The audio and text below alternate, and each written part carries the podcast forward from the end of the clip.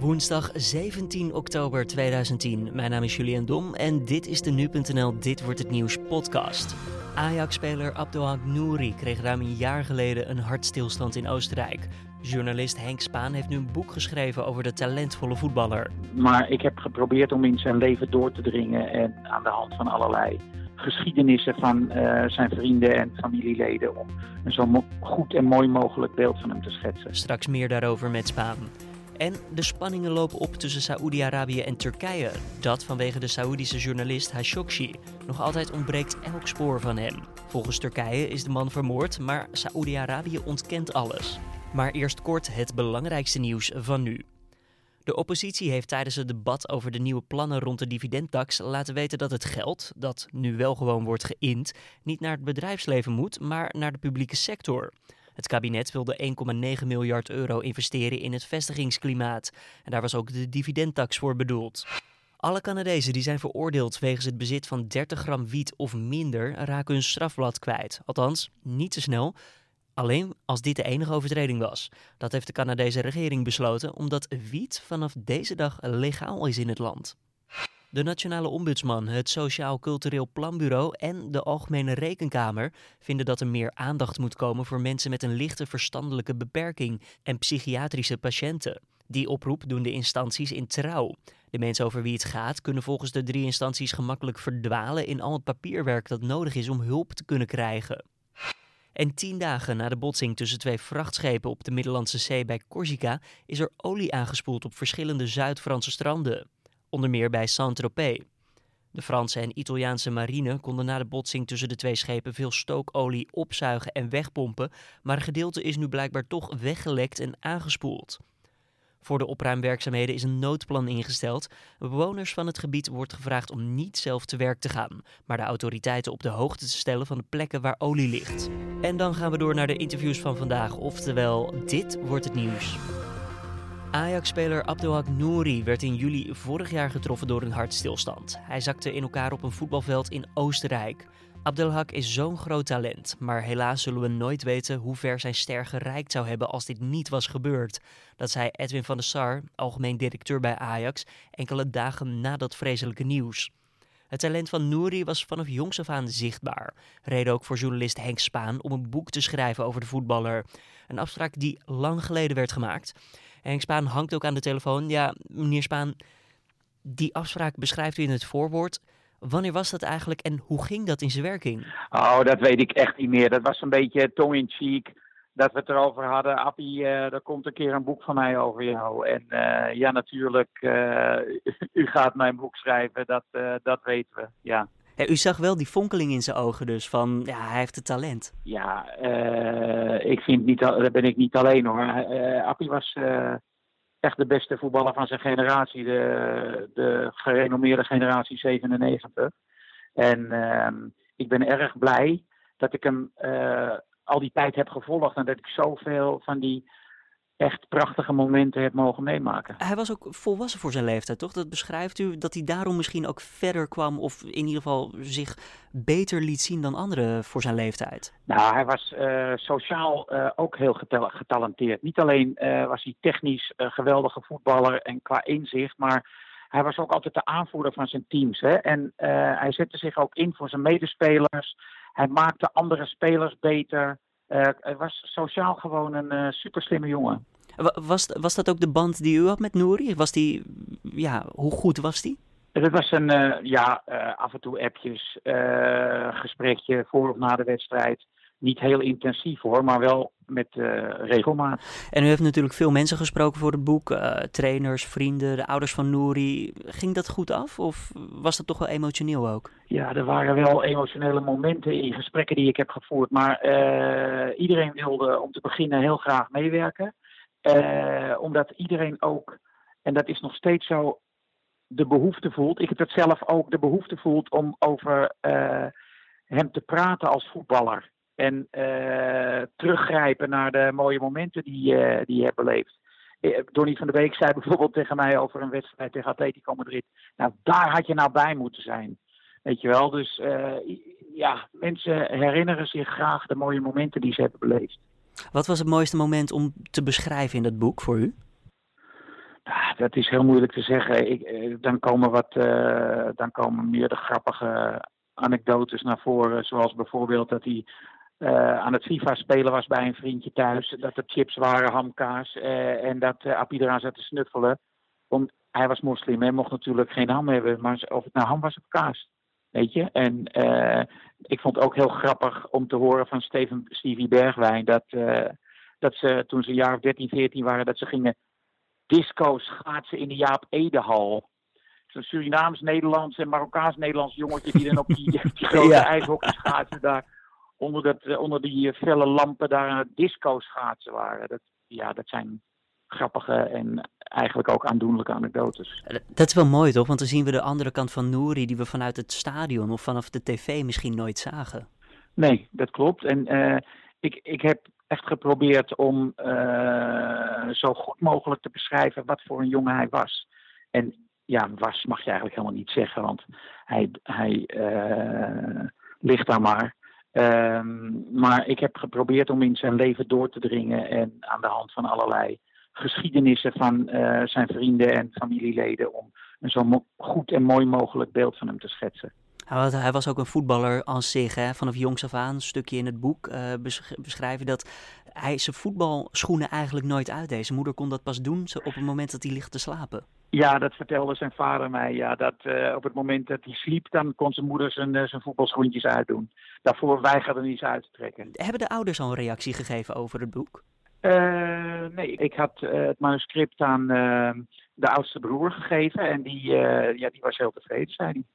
Dat is positief nieuws in ieder geval. Zeg, één ding ja. wat niet beschreven staat in het boek, ja, de medische situatie rondom de aansprakelijkheid en de hartstilstand, of die voorkomen kon worden, dat laat je liggen eigenlijk. Waarom is dat? Ik uh, had er geen behoefte aan. Ik vond het helemaal niet passen in het onderwerp van het boek. Bovendien uh, loop je de kans om door de actualiteit te worden ingehaald. Uh, overigens heeft Van der Sar natuurlijk wel in juni of juli een persconferentie gegeven... waarin hij aansprakelijkheid van Ajax toegeeft. Dus uh, eigenlijk is, is daar geen uh, nieuws over te melden. Het, het, gaat zuiver om de afwikkeling nu. En het boek, ja, het ligt dan van uh, deze woensdag in de winkels. Het is daar te koop. Ja, het is misschien moeilijk te beantwoorden hoor, maar in één zin, waarom moeten we dit lezen?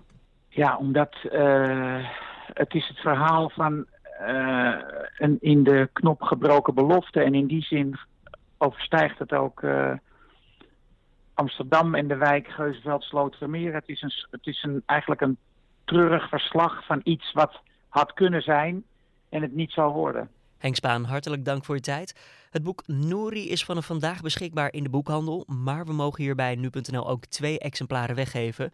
Stuur daarom vandaag, woensdag 17 oktober, even een mailtje naar podcast.nu.nl met daarin je naam en adres en vertel waarom jij het boek zou willen winnen. De winnaars krijgen uiterlijk vrijdag een reactie. Turkije is overtuigd dat de Saoedische journalist Khashoggi is vermoord in het Saoedische consulaat in Istanbul. De Turken zouden onomstotelijk bewijs in handen hebben. En daarover praten we met Matthijs Lelou van onze Nu.nl-redactie. Matthijs, wat kan je ons vertellen over deze zaak? Nou, dat klopt. De 59-jarige Khashoggi ging naar het consulaat om zijn echtscheidingspapieren te tekenen, zodat hij kon trouwen met zijn Turkse verloofde. Toen hij uh, niet meer thuis kwam daarna, toen trok die verloofde aan de bel en uh, toen stelde de Turkse overheid een onderzoek in naar zijn verdwijning. Het is niet helemaal duidelijk uh, welke bewijzen de Turken nu in handen hebben, want uh, er is nog weinig officieel bevestigd. Maar volgens anonieme bronnen die bij dat onderzoek betrokken zijn, zou het overduidelijk zijn dat Khashoggi in dat consulaat is gemarteld en daarna is vermoord. Dat zou andere, onder andere zijn opgenomen door zijn eigen Apple Watch. Uh, ook zijn er camerabeelden opgedoken waarop te zien is dat die journalist dat consulaat binnenging. En werd er een Saoedisch uh, moordcommando tussen aanhalingstekens uh, geïdentificeerd. 15 mensen die met kleine vliegtuigjes naar Turkije zouden zijn gevlogen om, om daar Khashoggi te doden. En deze journalist die was vooral ook kritisch op het Saoedische bewind. Op wat voor manier hebben we het dan over? Nou, Khashoggi die werkte sinds de jaren 80 als journalist. in 2003 werd hij ontslagen bij een Saoedische krant. Omdat hij nogal veel kritiek leverde op de machtige machtige religieuze politie in Saudi-Arabië en het Wahhabisme. Dat is de conservatieve islamitische stroming die aan de basis van het Saoedische koninkrijk ligt. Uh, Khashoggi die bleef zich tegen de conservatieve geestelijkheid uitspreken. Daarbij vond hij zich regelmatig aan de kant van het koningshuis, want het koningshuis dat, dat wilde ook de macht van de geestelijkheid wat afzwakken. Uh, die relatie tussen koningshuis en Khashoggi die verzuurde ook weer rond de Arabische lente in 2011. Want toen koos de journalist de kant van Egyptische en Syrische opstandelingen. En dat schoot bij het Saudische Koningshuis uh, weer in het uh, verkeerde keelgat. Oké, maar welke kritiek had hij dan op zijn eigen regering, op Saoedi-Arabië? Hij had problemen met de eeuwige machtsstrijd met de aardsvijand Iran en de Saoedische betrokkenheid bij de burgeroorlog in Jemen. En bijvoorbeeld het diplomatieke conflict tussen Saoedi-Arabië en Qatar. En vooral uh, de kroonprins van Saudi-Arabië, Mohammed bin Salman, die vorig jaar na een interne machtsgreep de facto leider van het land werd, die kreeg regelmatig een flinke bak kritiek over zich heen van uh, Khashoggi. En het is geen geheim dat MBS, zoals die kroonprins internationaal vaak wordt genoemd, echt een pesthekel aan die journalist heeft toen het in uh, Saoedi-Arabië te onveilig voor Khashoggi werd, toen verhuisde hij naar, uh, eerst naar Londen en uh, toen naar Washington. En dan de Turken, Matthijs, want ja, die laten ook behoorlijk van zich horen in deze zaak. Zelfs Erdogan die heeft zich erover uitgelaten. Waarom is het zo belangrijk voor Turkije?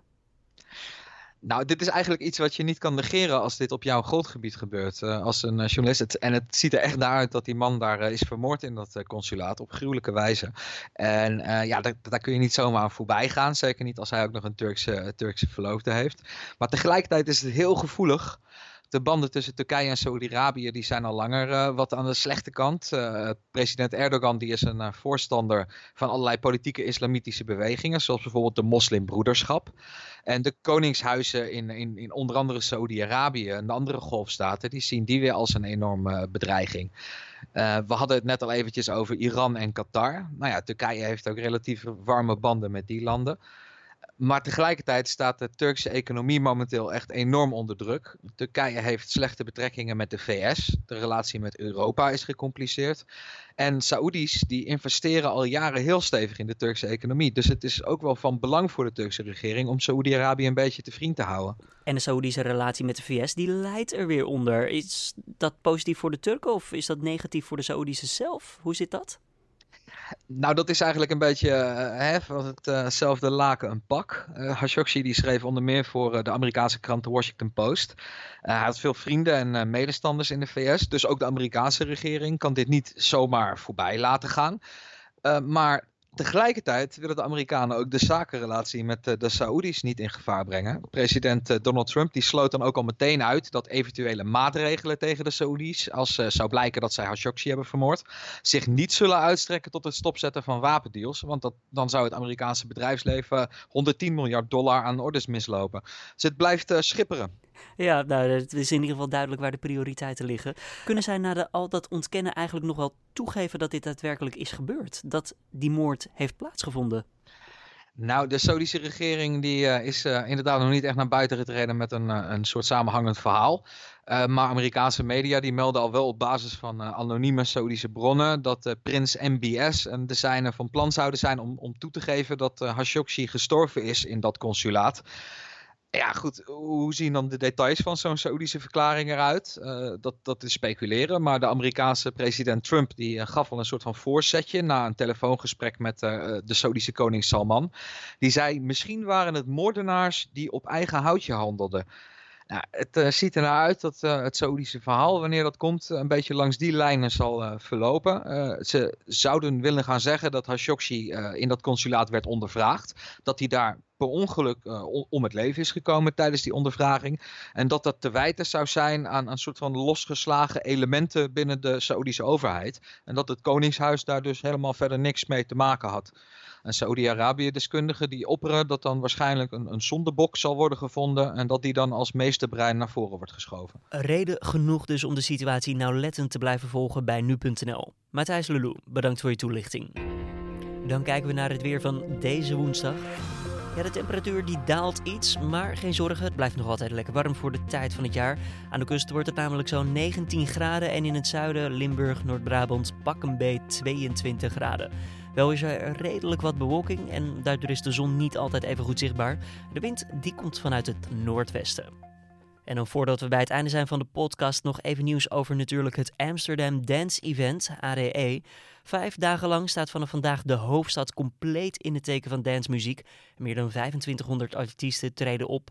En onze entertainmentredactie heeft er een aantal grote namen gesproken, waaronder Sam Veld. En opmerkelijk uh, misschien wel, ja, de Nederlandse DJ zou namelijk liever willen dat ADE in januari zou plaatsvinden. Waarom dat zo is? Nou, dat lees je in het hele artikel op onze website. Check daarvoor de link in de beschrijving van deze podcast of ga eventjes naar nu.nl of open gewoon simpelweg de nu.nl app. Dit was dan voor deze woensdag 17 oktober de Dit Wordt Het Nieuws podcast. De podcast is elke maandag tot en met vrijdag te vinden om 6 uur ochtends op nu.nl. Wat vond je van de uitzending? Laat het even weten via podcast.nu.nl of laat een reactie achter in je eigen favoriete app. Mijn naam is Julian Dom en voor nu een hele goede woensdag en tot morgen weer.